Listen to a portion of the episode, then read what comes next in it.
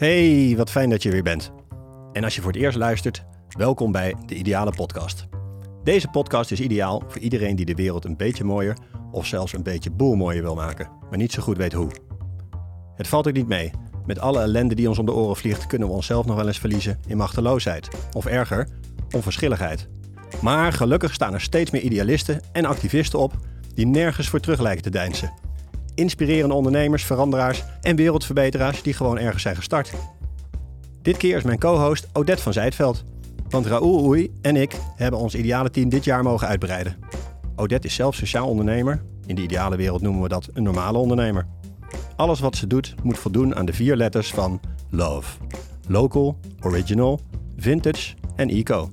Kortom, you gotta love her. Dit is de Idealen Podcast. Dolores Leeuwin zit hier in de studio. En sommigen van jullie denken nu, hé, hey, die naam ken ik. En dat kan kloppen. Want Dolores is al sinds haar veertiende op de buis. Toen als danseres, later als presentatrice van Klokhuis.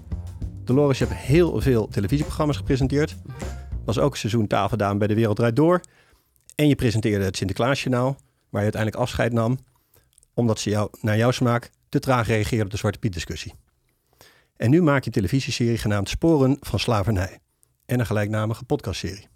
En vandaag zit je zelf in een podcast, de ideale podcast genaamd. Omdat wij razend nieuwsgierig zijn naar jouw ideale pad. Welkom Dolores. Dankjewel, wat een mooie introductie. Nou, adem uit. Ja, adem uit. Ja, jeetje. Ja, ja. Ik zei net al, zit tegenover zo'n ervaren presentatrice. Ja. En dan moet je even die intro doen en daarbij zijn. dat doe je best leuk. en ik, dankjewel. en ik vind het al spannend. Mm. Ook het onderwerp van een weekje geleden Ja. eh, spraken we al, eh, elkaar al even aan de telefoon. En toen zei ik, nou, ik merk dat ik het best wel spannend vind om over slavernij te praten. Ja.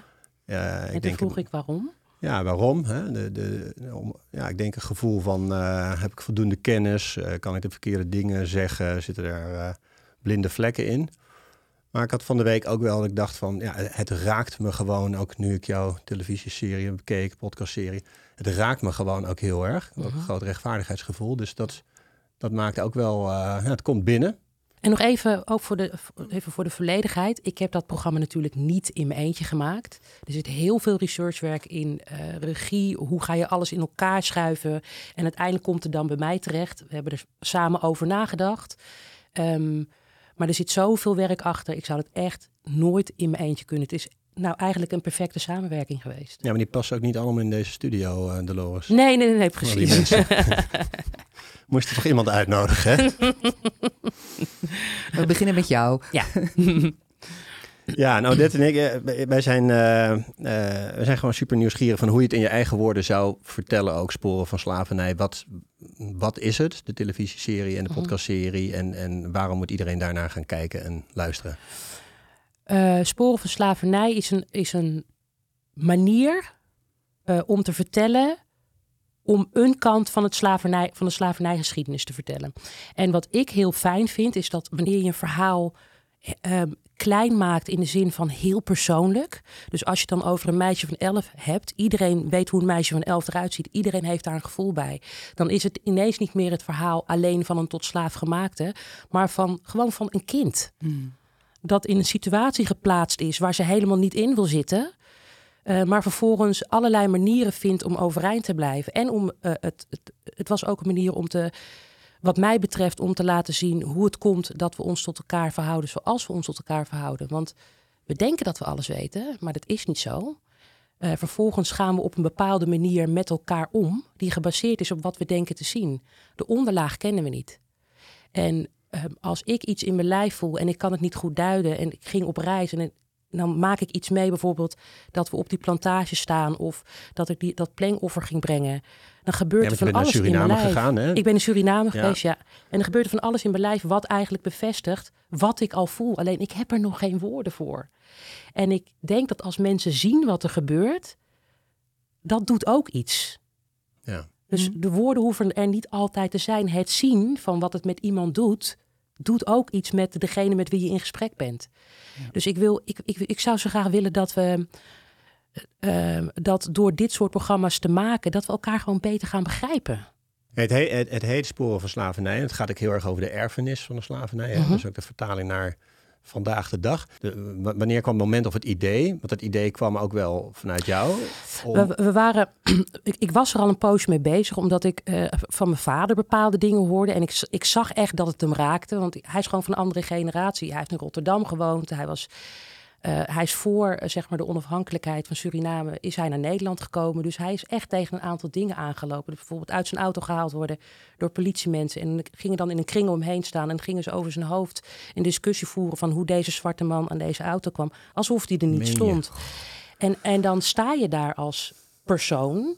En je weet dat als je je mond open doet, dan kan je het erger maken als je iemand voor. Het feit al dat mensen om je heen gaan staan en die discussie gaan voeren, is al heel intimiderend. Super bedreigend. Ja. En die bek van hem hoef je echt niet meer open te breken. Maar het was echt intimiderend. En toen, en toen ging ik me realiseren van, oh, dit is.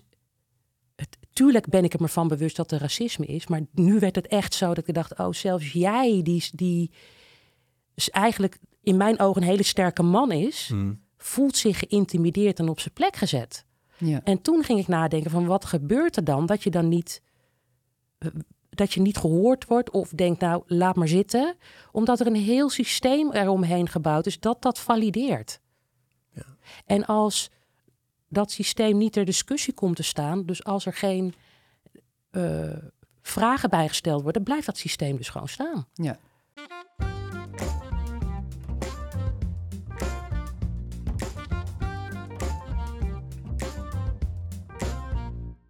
Wat zijn andere dingen die als eerste, uh, waar, waar je als eerste tegenaan lopen, waar mensen misschien toch ook, ook niet zoveel weet van hebben? Nou, simpele dingen. Volgens mij heb ik het ook in die podcast gezet. Een huidskleurige BH.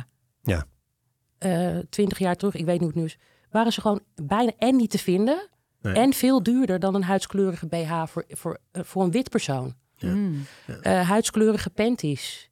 make-up. Make ja. Waarvan de ondertoon van wel donker, maar de ondertoon is van iemand met een witte huidskleur. Dus dan word je een soort van grijs. Terwijl de zwarte huid heeft, nou, volgens mij vier of vijf verschillende ondertonen. Dus als je die ondertoon niet hebt, dan ziet het er nog niet uit. Dus het zijn, het zijn van die kleine um, achteraf de grote dingen die jou eigenlijk vertellen... ja, maar je doet eigenlijk niet meer. Ja, maar dan doe je toch even dit. Nee man, dat wil ik niet. Ik wil ook gewoon... Nee, je zegt, je, zegt het wel mooi. Het zijn van die kleine dingen, maar eigenlijk de grote dingen. Maar het is eh, eigenlijk heel groot. Het is hartstikke groot. Het, het, het, zegt je steeds, ja, maar eigenlijk doe je niet echt mee. Ja, Eigenlijk en word je niet gezien. En, en, en uh, het televisieprogramma en die podcast... Mhm. Eh, ehm, hoe, hoe ga je te werk? Hoe begin je dan? Want dan heb je zo'n idee. Ja. En NPO zegt, ja, gaan we doen. Ja. Nou, Waar begin je? Marieke, die, uh, dat is de regisseuse. En uh, Jona, die uh, heeft de research gedaan. Die gaan um, stamboom uitpluizen, heel veel zoeken, um, historici erbij betrekken. Een, een, een, idee in elkaar schuiven. Zodat, en dat idee dat, dat gaandeweg verandert dat nog een beetje, zodat het aan het einde echt het meest effectief is. Hmm. Um, en nou, ik ben er ook bij betrokken om te kijken hoe, hoe is de toon? Zitten we op het juiste spoortje? Heeft dat effect? Dus op een bepaald moment ging het over de, de grachtengordel. Dus zei ik, nou, maar volgens mij hebben we dat, dat is al bekend. Waar ik op aanging was de naam de Sociëteit Suriname. Hmm. Ja. Dacht ik, is het een studentenclubje? Wat, wat is dit? Het een soort van hele mooie naam heeft, maar dat, is, dat, dat, dat ging uiteindelijk gewoon over de handel in mensen. En, en ja, gewoon een, een land dat gekocht wordt met de intentie om daar mensen op te zetten. En dan noemen we het de sociëteit. Nou, daar ging ik al helemaal... Een soort eufemisme bedenken dat je daar dan dat het niet meer binnenkomt of zo. Dat niet ja, en dat je dus eigenlijk dat er ook geen... Want in Nederland was, was slavernij verboden. Ja. In die tijd, maar daar dus niet. Dus er zijn ook heel veel mensen in Nederland geweest die zeiden met de Bijbel in de hand: wat jullie daar doen, dat mag helemaal niet. Maar er werd ook niet naar geluisterd. Dus, dus woorden uh, en, en, en, en zinnen en, en waardoor je eigenlijk datgene wat echt gebeurt kleiner maakt. Hmm. En dus ik heb, ik doe ook heel vaak als mensen iets tegen me vertellen, dan vraag ik wat bedoel je daarmee? Of wat betekent dat woord? Wat wil je er eigenlijk mee zeggen? En dan hmm. zie je ze denken. Want je maakt het gewoon kleiner. Je maakt het alsof, ja, maar dat, alsof er niks gebeurd is. Ik bedoel, het feit ook dat je straatnamen of bruggen vernoemt naar mensen die in het verleden werden neergezet als helden daarmee impliceer je dat er niks aan de hand is. Want niemand haalt het in zijn bottenknar om een straat naar Hitler te vernoemen. 100 procent. Nee, nee. Maar de Koentunnel, als dat gebeurt, dan... Oh, nou, dat zal dan wel goed zijn. Het is een soort impliciete gaslighting. Ja. Waardoor niemand meer vragen stelt. Ja. Ja, en we kregen natuurlijk gewoon, ik ook, ik heb eh, dat vroeger bij geschiedenis, jij toch ook niet, oh, dit, je, kreeg Nee. dit, je kreeg dit gewoon helemaal niet mee. Alles ging over de Tweede Wereldoorlog, alles. Mhm, mhm. Dat. Ja, want waren we zelf slachtoffer natuurlijk. Ja. ja. Ja, Nou, en dat is een comfortabeler positie dan, eh, dan het daderschap eigenlijk. ja. Ja. En ja, toen we dus ook sporen van, eh, van oorlog aan het maken waren, dat toen, ik had het met mijn vader erover en die zei, ja, maar ik ben ook derde generatie. Ja. Ik ben ook, weet je, ik heb, ik heb dit ook nog gevoeld. Misschien niet zozeer in woorden, maar wel in hoe er met ons werd omgegaan. Hoe we naar onszelf keken. Ehm, en toen, toen heb ik ook gezegd van, kijk, die, die oorlog heeft vijf jaar geduurd. Het was verschrikkelijk. We zijn het er allemaal over eens dat het verschrikkelijk was. Dat er mensen zijn die zaten te bedenken hoe ze andere mensen zo effectief en zo vreed mogelijk om zeep konden helpen. Ja. Ik zeg, die slavernij, die transatlantische slavernij, heeft 300 jaar geduurd. Ja. Wat denk je dat dat doet met hoe we naar elkaar kijken en hoe we naar elkaar, hoe we met elkaar omgaan en in impliciete aannames, regels en wetgeving. Het gaat heel ver. We moeten het er echt over hebben. Je Ja. zou toch ook zeggen dat, dat, dat Nederland ook als bedenker van de slavernij notabene, dat, dat, Mhm. dat het dus ook een soort collectief trauma moet zijn. Dat er zoveel pijn en schuld ook onder zit, zoals er ook vaak wordt gezegd over het Duitse volk, hè? Waar, waar, waar nog steeds een Mhm. soort eh, Schaamte. ja, schaamte en wie de goedmachung eh rol in zit en zo. Ja, Maar waar, waarom, waarom voelen we dat hier eigenlijk niet? dat vind ik een heel goede vraag. Daar, daar heb ik ook geen antwoord op. Het, het is ook heel lang gebagatelliseerd. Het is ook heel lang neergezet. Ja, maar het is zo lang geleden. En eh, Ja, en je krijgt heel veel kennis mee over de Tweede Wereldoorlog, maar joh, we, we beginnen pas nu te leren. ja, Weet je, doet. ook in jouw uitzending dat jij eh, met iemand van een stadsarchief langs de Herengracht eh, loopt, hè, Mhm. nummer 514. Ik ben de dag daarna met de kinderen daarheen gefietst, omdat ik het gewoon bijna niet geloofde. Hè? Mhm, mhm. Dan zie je dus... Dat Maar dat is het ook. Het was zo groot en zo wreed. En dat, dat het bijna niet te bevatten is. Dat het zo lang heeft geduurd. Dat er zo met mensen om is gegaan. Ja. Ik denk dat. En dan niet vijf jaar, maar 300 jaar. Ongelooflijk. Ja. Ja. En dat iemand daar dan op zo'n plek woonde als slavenhandelaar en eigenlijk dus gewoon aanzien had, die deed het goed. Het was gewoon een Ja. succesvolle ondernemer in die tijd. Ja, Ja, dat, En dat maakte je zo... hij zien op zijn... eh, Ja, te zien op je gevel. Ja. ja. En dat werd ook geaccepteerd. Ja. Dat is ook zo grappig. En als mensen dan zeggen, the sign of the times, denk ik, nou, dat waren toen ook al klootzakken, sorry. Ja. Of eh, fout is fout en het, is, het heeft niks met tijd te maken. Eh, Discriminatie, racisme, iedereen, ik bedoel, als je een beetje gevoel in je donder hebt, weet je dat er dingen niet kloppen. Er zijn ook tijdens de, de, de ehm, eh, tijdens dat, het hele zwart-wit verhaal in Amerika, hè, ik, heel eufemistisch gezegd, waren er ook witte mensen die zeiden, maar dit, die ook meevochten. Kan maar die worden niet, ook ja. stelselmatig zo'n beetje buiten beeld gehouden, zodat het net lijkt alsof het een zwart ding was. Ja. Hm. Ja. Het was niet zo. Nee. Het was gewoon niet zo. Ja. Nou, ik denk ook dat het is, ehm, als ik er zo een beetje over nadenk, eh, is dat ook weer terug te voeren op, die, eh, ja, op het economische systeem. En die slavenhandelaren waren natuurlijk enorm welvarend. En rijk was natuurlijk de definitie van succes. Ja, ze konden het ook maken. En ze konden het ook maken. Ja. En, en nu heb je natuurlijk ook ja, bepaalde industrieën eh, waarvan je denkt van, nou, misschien denken we daar over honderd jaar ook af van. van Zeker. hoe ja. is het in godsnaam mogelijk? Ja, Ik denk, ik denk dat Ja. we gewoon 90% niet weten. Nee, precies. Dus het, ja, ik denk dat het een beetje een combinatie van niet weten is en onderdeel zijn van het systeem. Waar Ja, het moeilijk en- is om uit los te breken ook. Hè? Ja, en dan nog, en dan nog dat, dat is zo. Want het sluipt er op kousenvoetjes in. Het was niet van de ene op de ja. andere dag. Alleen, er zijn wel ehm, gedragingen en regels die het op zijn plek houden. Dus Ja. als er dingen in het archief liggen en die mogen pas na 100 jaar open, dan denk ik bij mezelf, hmm, Bijzonder. Dat vond ik ook. Ik moet nu denken aan eh, af, die, eh, een van de podcast eh, die er gaat over de rol van de Oranjes. ja, Vond ik het ook interessant. Omdat het eh, vorig jaar toch een soort ja, on- ontlading was, emotionele ontlading toen Willem-Alexander excuses aanbood. Hè? mhm. En jij interviewt dan iemand die zegt, ja, waar, waar biedt hij precies, Ja. luister goed Ja, naar wat hij zegt, en waar, ja, waar, Ja. waar biedt hij dan precies excuses, excuses voor aan? Want hij zegt eigenlijk van, het spijt ons dat wij hebben toegekeken Ja, en niet hebben ingegrepen. ja. Maar gaat er volledig aan voorbij dat ze ook als de Oranjes gewoon actief participeerden. Ze ja en ik denk dat mee. veel mensen dit niet weten. Dat ze daarom Nee. in de eerste instantie niet goed snapten wat Koenta zei. Nee. En hij heeft gelijk. Maar dit is weer een stap verder. Want nu zegt het, het Koningshuis ook, nou, we, gaan, uh, we moeten weer onderzoek doen. Dan denk ik, waarnaar? Ja. Ja. Ja. W- Want op basis waarvan heb je dan de excuses aangeboden? Dan weet je dus wat er aan de hand is. Waarom Ja. moet je het weer gaan onderzoeken? Het gaat weer zes jaar duren. Dat moeten we weer op wachten. En in de tussentijd gebeurt er dus niks. Maar Dolores, is, is dit, gaat dit toch uiteindelijk gewoon om geld? Dat het toch ook een boodschap dat er heel lang over na wordt gedacht en over de timing en het goed Mhm. framen als de dood, omdat er gewoon ook financieel veel meer moet gebeuren. Ik, ik denk dat als het niet over geld zou gaan, was het al lang uitgesproken. Ja. Want eh, waar ben je bang voor? Maar ik, ik denk dat het alleen over geld hebben, dat we het dan te klein maken. Het gaat over geld. Het gaat ook over een machtsspelletje. Want als, wat mij betreft en wat ik Ja. denk. Want als iedereen zich bewust wordt van wat er gaande is, dan krijgen we een heel ander Nederland. En er, z- er gaat altijd een groep zijn eh, die niet wil, of die het belachelijk vindt, of eh doe niet zo moeilijk, of het was allemaal niet zo. Nou, weet je, die, die het bagatelliseert, of die zich aangevallen voelt omdat je aan een machtspositie zit. Ehm, maar er zijn ook mensen die het gewoon niet weten. Ja. Hoe ver dat machtsspelletje gaat. Hmm. Want eh, het gaat over geld, maar nogmaals, waarom mogen bepaalde dingen, waarom mogen wij niet weten?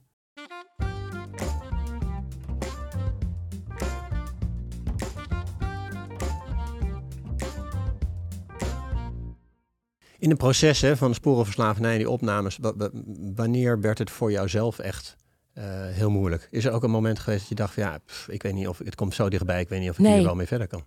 Nee, heb ik niet gehad. En dat, dat, dat- ik weet niet of ik er niet mee verder kan, is nooit bij me opgekomen.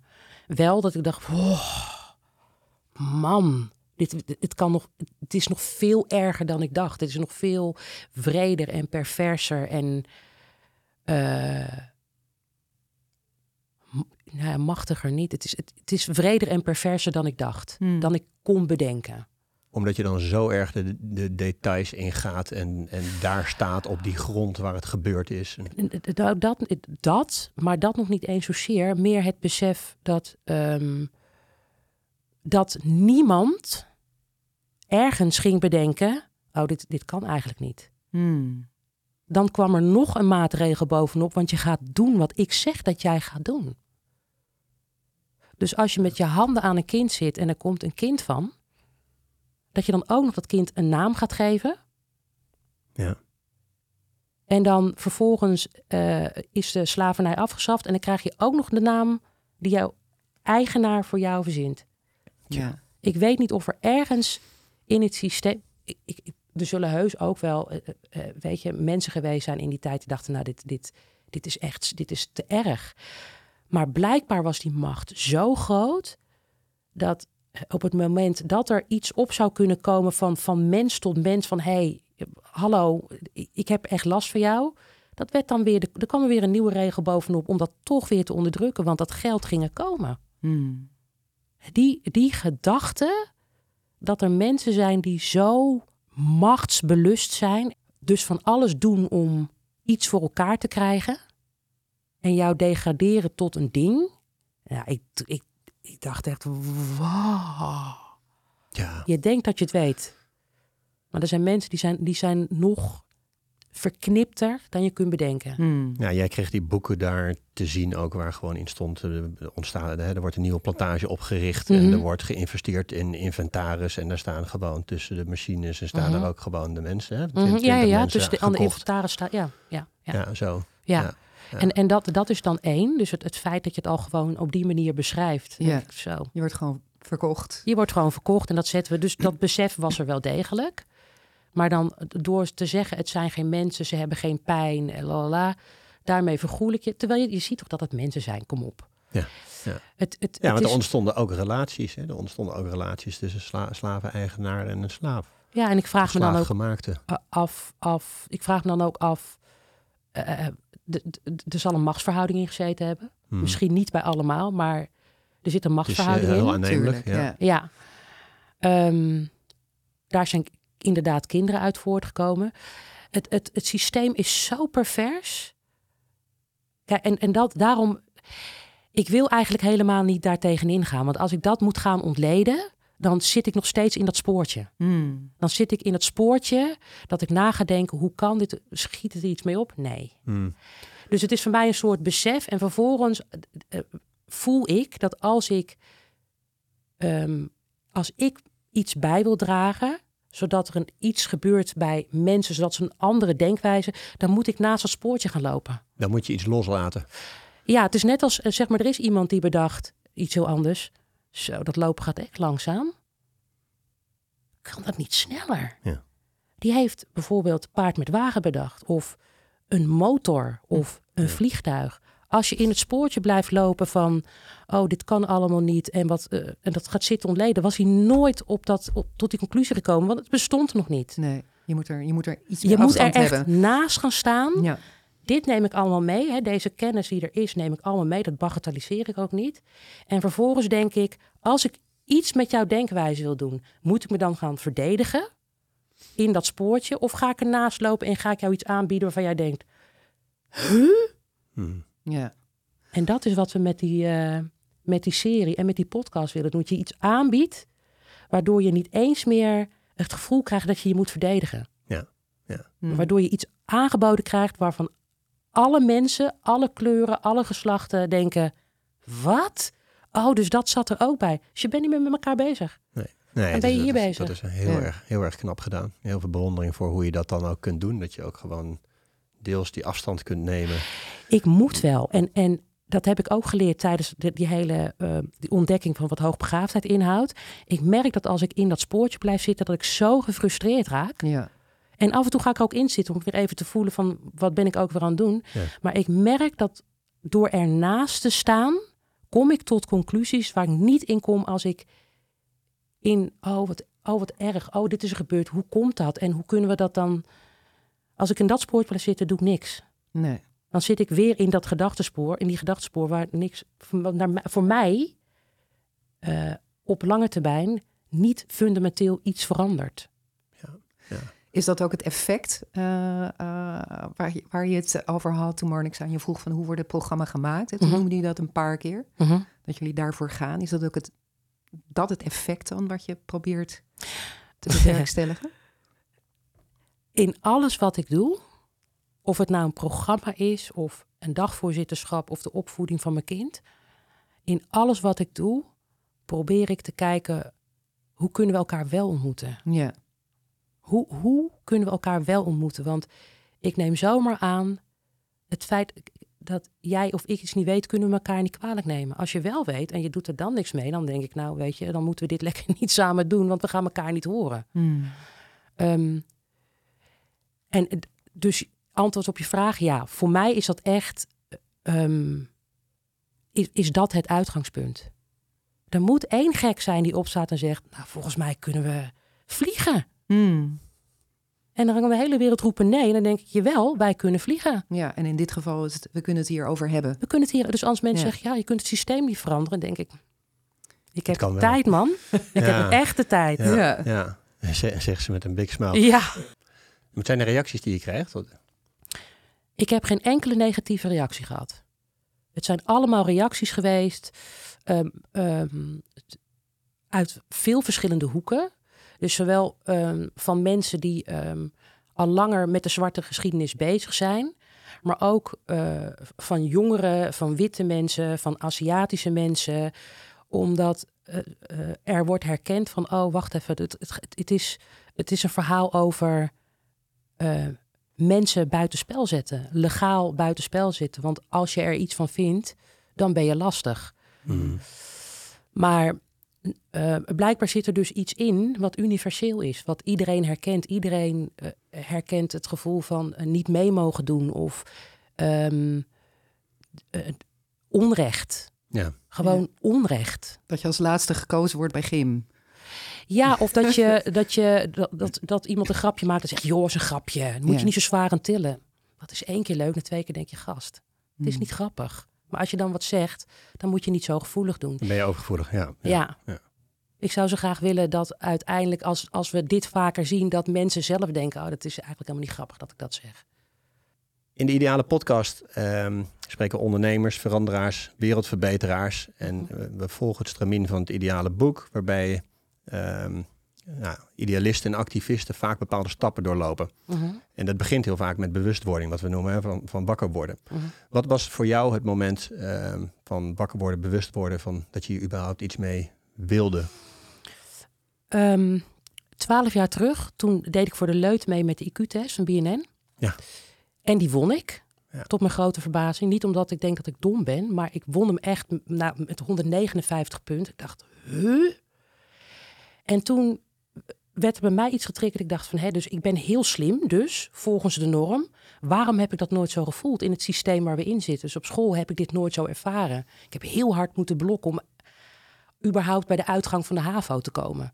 En toen dacht ik, maar als ik me hier niet van bewust ben, als degene die mij lesgeeft hier niet eens van bewust is, wat maakt dan dat dat niet gezien wordt? Ja. Welke norm ligt er aan intelligentie ten grondslag? Hoe ziet dat er dan uit? Dus blijkbaar was ik heel intelligent, maar niemand had het herkend. Ehm, en toen ben ik gaan uitzoeken wat het inhoudt. En toen kwam ik erachter dat wat ik deed hoogbegaafd heet. En dat verklaarde ook een hele hoop. Eh, mijn gedragingen, hoe ik naar de wereld keek, waarom ik bepaalde dingen niet snapte. En dat triggerde eigenlijk iets bij me. Want ik, ik had ook eh, niet alleen eh, kinderen van kleur, maar ook witte kinderen die tegen precies hetzelfde aanliepen in dit schoolsysteem. En toen dacht ik, maar dit is een soort, volgens mij een universeel ding. Als men je niet snapt, dan doe je dus gewoon niet mee. Of er wordt er net zo lang aan je getrokken, totdat je, het wel, of totdat je wel in dat malletje past, in die norm past. Ja, als dus- je niet aan de norm ja. voldoet, dan... eh, dan, dan eh, sorry, Odette, wil je zeggen? Nee, dan, dan sta je dus weer buitenspel. Dan Dan komt- sta, ja. dan sta je buitenspel. En je staat legaal buitenspel. Ja. Want mensen mogen je daar neerzetten, Ja. want je doet lastig. Ja. En toen dacht ik, nou, maar als, als dit al gebeurt met alle mensen, wat weten we dan nog meer? Wat wordt er dan nog meer buitenspel gezet? Dus toen ging ik bijvoorbeeld verdiepen inderdaad in discriminatie. Want tot dat, tot dat punt was ik me niet echt bewust van mijn huidskleur. Dus ik wist dat ik, ik, ik obviously, ik heb een kleur, maar dat is nooit mijn uitdaging geweest. Hm. Want ik werd, zeg maar, wat ik deed, werd in alle kleuren afgekeurd. En toen ik mezelf daarin gevonden had, dacht ik, wacht even, dan kan ik ook naar andere punten gaan kijken. Want mijn vader, die werd bijvoorbeeld op straat altijd rond Sinterklaas. Kijk man, daar heb je Zwarte Piet. En dan zei zijn moeder, ja hè, hij is vroeg dit jaar. Ha, ha, ha, leuk. Die deed eraan mee als een Die soort deed eraan mee, dus- overlevingsstrategie. Ja, dus, dus blijkbaar was er iets, of is er iets in de samenleving dat zegt, dit kan gewoon. Want we bedoelen het niet zo.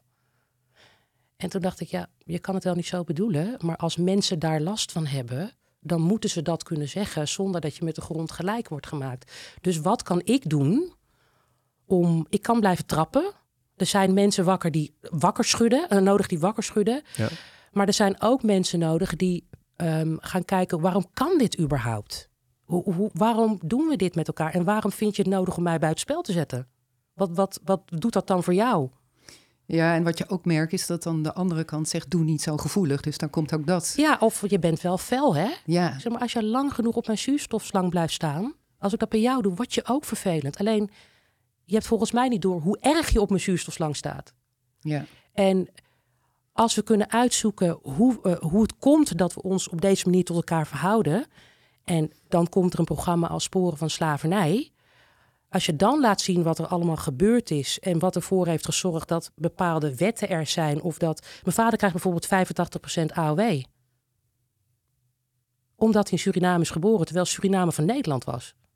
Maar er is toen een wet in die tijd aangenomen dat Suriname zelf voor de sociale, eh, eh, sociale eh, regelingen moest zorgen. Dan denk ik, ja, maar Dit weten ook, dit weten ook geen mensen. Snap je? dat las. Ja, en als ja. dat vaak genoeg gebeurt, onderhuids, mensen weten niet, er gebeurt iets bij mijn vader. Op een gegeven moment gaat hij met een bepaalde houding de wereld in. En dan is, en dan is hij een moeilijke zwarte man. En dan denk ik, yo, Ja, het doet iets met je zelfbeeld. het doet En- iets met jezelf, maar het doet ook met het beeld wat een ander van jou heeft. Ja. En dan wordt het bevestigd, zie je wel, je bent ingewikkeld. Ja. Maar, maar, als je niet hoort wat ik zeg, blij- blijven we dit doen met elkaar. Daarom vind ik het zo belangrijk, niet om mezelf te verantwoorden, maar ik weet zeker dat er heel veel mensen zijn die denken: oh, maar dat is helemaal niet de bedoeling. En dan ontstaat, ik heb echt niet de illusie dat ik iedereen ga bereiken, maar er zijn zat weldenkende mensen die echt niet doorhebben hoe het komt en waar deze houding vandaan komt. ja. Want als, als een vriend van mij in de rechtbank staat, een zwarte jongen, en er wordt aan hem gevraagd: maar wat heb jij gedaan dat je voor vieze zwarte puntje, puntje, puntje wordt uitgescholden? Zegt hij: maar wat moet ik doen? Het is toch, het is toch strafbaar? Waarom moet ik me nou. ver- Het mag niet.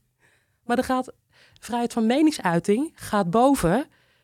Je mag niet discrimineren. Het zijn, Ja. het zijn allemaal van die, Ja. Mm, dat soort dingen. En dat roept op een gegeven moment frustratie op. ja. Ja, dat begrijp ik heel goed. Als ik dat mag zeggen. Ja. ja. Want dat, dat is soms ook, hè, dan, eh, daarom zei ik in het begin, ik vind het ook best spannend. Want als ik zeg, dat begrijp ik heel goed. ja. Dan denk ik, ja, kan, kan ik dat echt helemaal begrijpen? Kan ik dat helemaal doorvoelen? Nou, ja, waarschijnlijk begrijp je de, onder, de ondertoon van het gevoel van onrecht. Ja, dat denk ik. En, en wat het denk ik ook wel is, want dat, dat herken ik heel erg in, in wat jij zegt, is dat ik me bewust ben dat ik vast ergens onbewust Mhm. discrimineer. Mhm. Ja, omdat je uit, ja, je komt gewoon ook uit het systeem natuurlijk. Dus het is Ja. heel, heel goed om dat aan het licht te brengen. Ja, la- Ja. Ik discrimineer ook. Ja, Alleen ik, ik, heb de, ik heb het idee dat als iemand tegen me zegt: Ik vind dat niet tof. Dan denk ik: Oh, dat is helemaal niet de bedoeling, man. Ik ga die discussie niet met je aan. Want als het jou pijn doet, wie ben ik dan om te zeggen: Je moet je niet aanstellen? ja, dat is het. Dat is het. Ja. Want iedereen eh, eh, doet dat wel eens of denkt met een leuk accentje iemand na te doen. En de ene keer is dat ontzettend grappig en de andere keer valt dat gewoon verkeerd. Ja, En dan, moeten we het er, ja, dan moet een ander dat kunnen zeggen zonder dat hij met de grond gelijk wordt gemaakt. ja.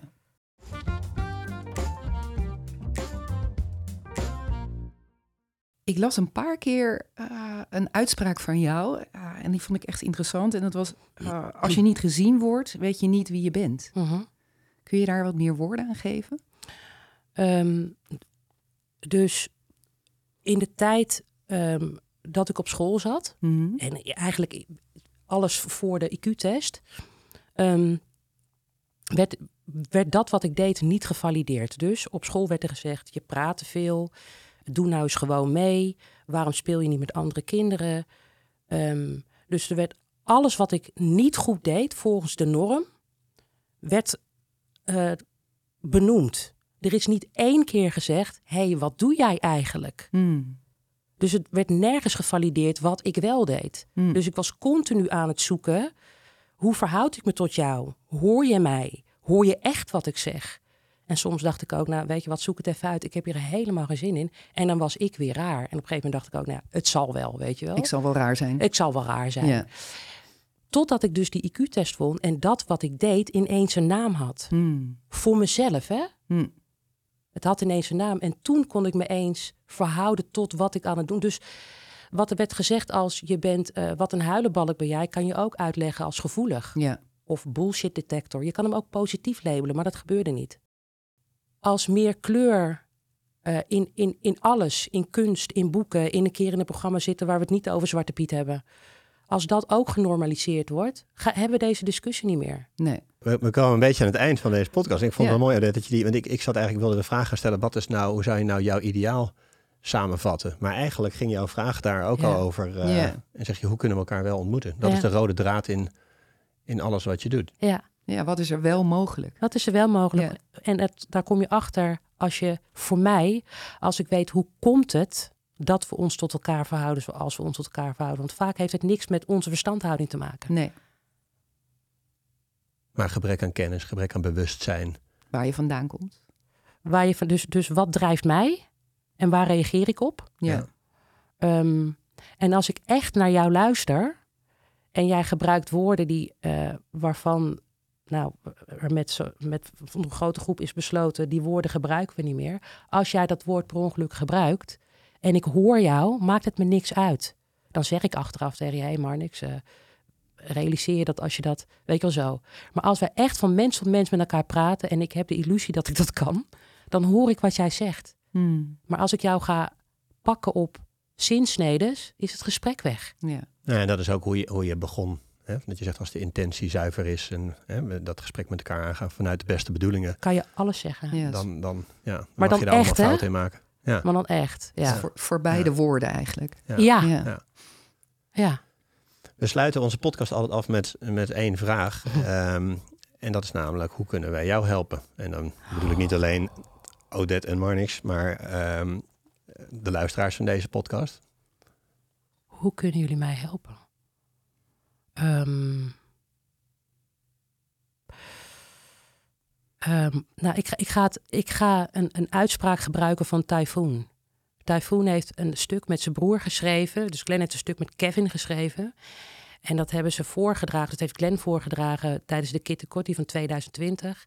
Ja. En dat heet Moedig in je ongemak. Hmm. Durf je te zitten met jezelf. Hm. Durf je naar jezelf te kijken. Moedig in je ongemak. Dus ook als je denkt, Ja. blij- laat het even eh, sudderen. Wees moedig in je ongemak. En gaat aan. Hm. Prachtig. Dank je wel dat je hier wilde zijn. Graag gedaan, dankjewel voor de uitnodiging. De Ideale Podcast is mede mogelijk gemaakt door The Present Movement. De muziek is van Lucas Dols van Sounds of Change en deze edit is het werk van Regidio van Teilingen. Ben of ken jij ook een idealist die wij zeker moeten spreken? Stuur ons een berichtje. Tot de volgende!